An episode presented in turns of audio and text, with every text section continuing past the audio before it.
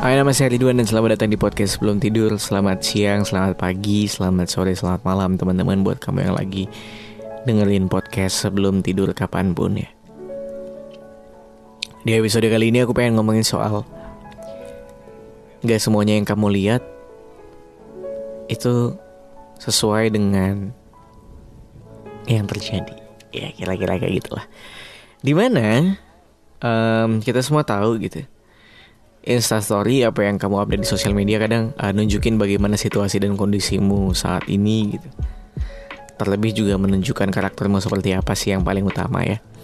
Um, maksudnya gini, kadang tuh sosial media juga jadi tempat yang curhat secara live, curhat secara cepat gitu. Ketika kamu sakit mungkin gak bisa tinggal foto tanganmu yang lagi diinfus diupdate ke instastory tanpa caption cuma dengan sekedar masang location di mana rumah sakitnya. Yang mana itu bisa nunjukin kondisimu sekarang lagi sakit dan berada di rumah sakit gitu ya. Atau mungkin juga um, kamu sekarang lagi liburan dan kamu baring di kasur hotel tag location hotelnya di location hotelnya di mana lalu kamu kamu update gitu ya. Biasanya sih Bali udah tuh jadi tuh konten liburan gitu. Um, dan juga kadang uh, sosial media tuh nunjukin kondisi kita yang saat ini lagi gimana gitu. Kayak misalnya kamu punya temen lama misalnya. Uh, kamu jarang bertegur sapa mungkin karena jarak. Dan juga uh, mau reply replyan story udah nggak deket-deket banget. Dan kamu mungkin ngelihat perkembangan dia gimana udah kerja di mana uh, dia ngapain aja kesehariannya. Terus kamu mungkin merasa uh, misalnya misalnya. Uh, mungkin kamu bisa melihat gitu kalau ternyata dia orangnya happy happy aja gitu. Kayak jalan-jalan mulu. Ambil contoh kasusnya di saya, di saya aja ya. Caseku yang pertama adalah um, aku tuh sebenarnya punya banyak masalah dari segi uh, pendidikan teman-teman. Karena juga uh, Ya seperti yang kita tahu Baru sempro kemarin ya. Sudah tahun kelima bro. Sudah tahun kelima tapi baru sempro kemarin. Lagi menuju sidang gitu. Dan juga uh, Aku kebetulan lagi kerja Di salah satu radio swasta di Yogyakarta Yang mana sebagai penyiar juga. Dan Ya everybody knows kalau kerjaan penyiar tuh Banyak orang bilang enak ya kerjanya cuma ngomong gitu enak ya kerjanya uh, apa jamnya nggak harus 9 to 5 uh, eh, enak ya kerjaannya kayak main bisa jalan-jalan gitu. Karena yang aku update gitu ya uh, ketika ketika aku mengeluhkan kadang mengeluhkan skripsiku nggak selesai selesai aduh aduh aduh aduh kapan lulus kapan lulus bla bla bla. Beberapa orang mungkin beranggapan kayak ya gimana lu mau lulus Wan? Kalau lu kerjanya main mulu gitu. Jalan mulu apa mulu gitu. Nah tapi Balik lagi aku pengen bilang gak semuanya yang kamu share Yang di share sama orang itu Sesuai dengan uh, Faktanya gitu. Nah uh, Mungkin orang bisa beranggapan kayak gitu Ya gimana mau lulus tapi main mulu gitu Segala macam. Wah kerjaanmu enak Cuma ngomong doang. Bro Aku pengen ngasih tahu ke kamu Kalau sebenarnya Dibalik semua kebahagiaan Postingan Sosial media teman-teman kamu Trust me sebelum kamu merasa hidupnya dan beranggapan kalau hidup mereka enak kamu harus tahu pasti ada beberapa masalah di hidupnya yang mungkin gak bisa dia ceritain ke orang lain gitu. Dan mungkin gak bisa diceritain ke sosial media mereka gitu.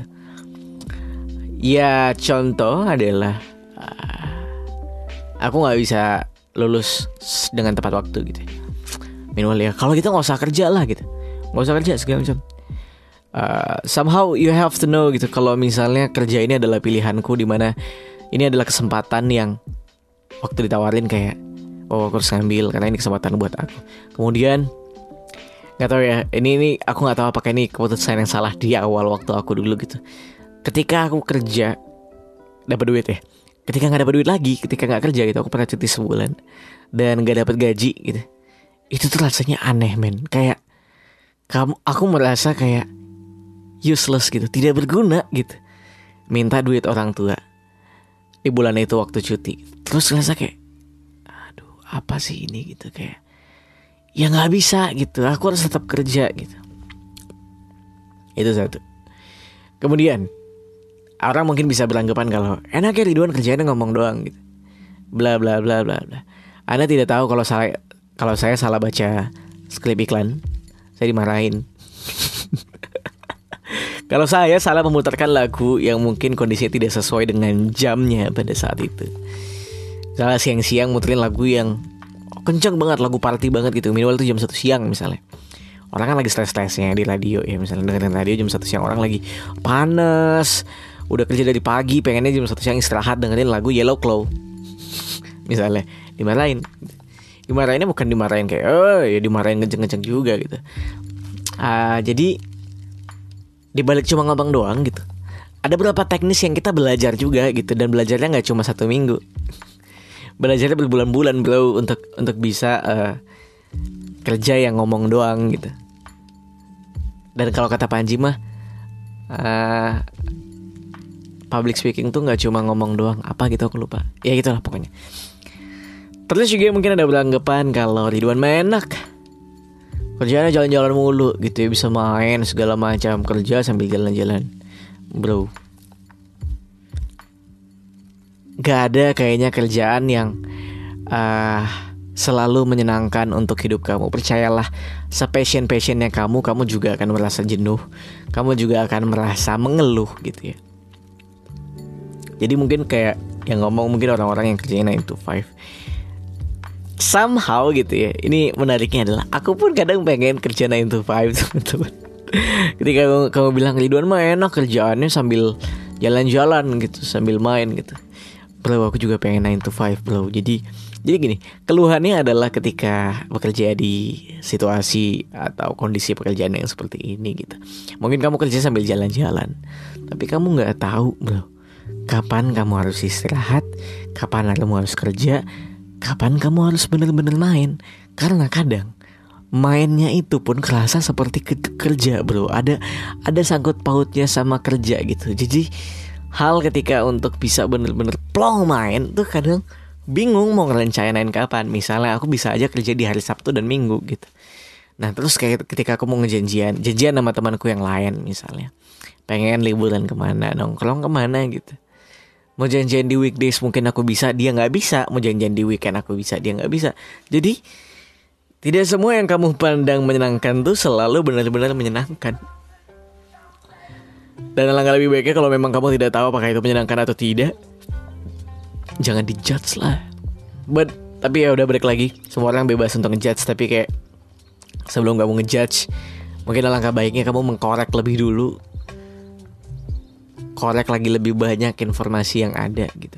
Jadi kamu tahu apa yang kamu judge sudah kredibel apa belum gitu. Kalau mungkin kamu juga sekarang lagi berada di posisi yang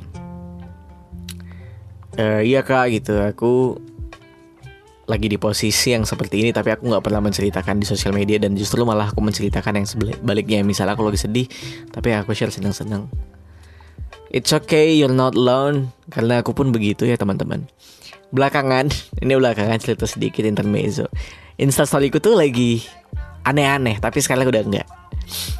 Pokoknya di bulan November kemarin aku banyak banget trouble ya. Tiba-tiba financial jebol, listrik kosan konslet, Wah banyak banget deh pokoknya masalah-masalah yang kayak apa sih ini sampai aku mengkaitkan itu sama Mercury retrograde. Aku nggak percaya zodiak cuma gara-gara partner eh gara-gara pasanganku menceritakan soal ini dan aku merasa berkaitan sama semua kesialanku di bulan November akhirnya aku percaya. nah jadi selama di bulan November tuh kalau aku bisa bilang aku stres. Stres tuh bukan stres gila tapi kayak kamu tahu nggak sih kepalamu ruwet gitu kayak padat dan banyak banget kabel yang melilit di dalam sana gitu. Nah itu yang aku rasain gitu. Mikirin financial jebol mikirin tanggung jawab ini bla bla bla bla bla bla bla. Banyak banget. Di situ aku stres. Ketika aku stres aku tuh bingung gitu. Bingung mau, mau sedang-sedang juga bingung. Mau istirahat juga nggak nyaman gara-gara kosan yang baru itu nggak nyaman gitu ya. Bukan nggak nyaman kurang cocok aja sama aku dan dan itu nggak buat aku kayak yang stres. Akhirnya apa? Akhirnya aku nge-share beberapa video-video lucu. Tapi dari diriku sendiri gitu. Jadi kayak uh, bikin aku kan jarang ya. Udah udah udah jarang banget terakhir aku kayak itu mungkin dua tahun yang lalu. Bikin video-video entah pakai filter apa. Terus bikin apalah di share ke instastory bikin video Budi Setiawan lah rambutku dicatok men aku ngelakukan itu untuk untuk cuma shit posting gitu. Ketika aku udah ngebuat shit posting postingan yang aku nggak peduli sama seberapa tingkat kecakapannya seberapa tingkat keestetikaannya hancur ya hancurkan aja sekalian gitu. Ketika aku ngeposting kayak gitu aku malah bisa ngobrol sama Atar ya. Maksudnya eh, aku baru sadar men. Ketika aku sering ngeposting kayak gini ya maksudnya kan berapa hari ini aku ngeposting uh, konten-konten yang aneh mulu nih aku bilang. Iya iya berarti aku lagi stres coy gitu. Eh, jadi gini konten yang aku keluarin kan lucu ya dan dan, dan teman-temanku tuh pada nge-reply dengan ah lucu banget lucu banget buat lagi dong yang kayak gini dong buat lagi kayak dong yang kayak gini dong gitu. Senang sih senang gitu. Karena aku aku punya uh, apa namanya batin yang ketika aku bisa nyenengin orang aku senang gitu. Tapi di Vincent aku mikir lagi. Bukannya aku nggak seneng ngelakuin itu gitu tapi ternyata akibat dari aku sebab dari aku ngelakuin itu tuh adalah karena aku stres gitu. Mencari kesenangan batin gitu. Mungkin dengan menghibur orang itu kali ya. Ya nggak tahu nggak tahu. Mungkin ya kayak gitu teman-teman. Itulah itulah yang mungkin yang harusnya kamu tahu di balik semua yang ada di sosial media tuh pasti ada kejanggalan-kejanggalan dan beberapa ketidakenakan yang pasti terjadi gitu. Ibarat kata di panggung, panggungnya mewah banget, kamu nggak tahu di belakang kabelnya berantakan gitu. Seperti itulah kira-kira. Ya gitu teman-teman yang mungkin bisa aku share dulu di episode kali ini. Feel free kalau misalnya kamu punya cerita yang menarik untuk diangkat di podcastku ya kamu bisa kirim langsung ke emailku at ridwanhandoko@gmail.com ya. Kalau gitu kita ketemu lagi di episode selanjutnya. Aku Ridwan Handoko pamit.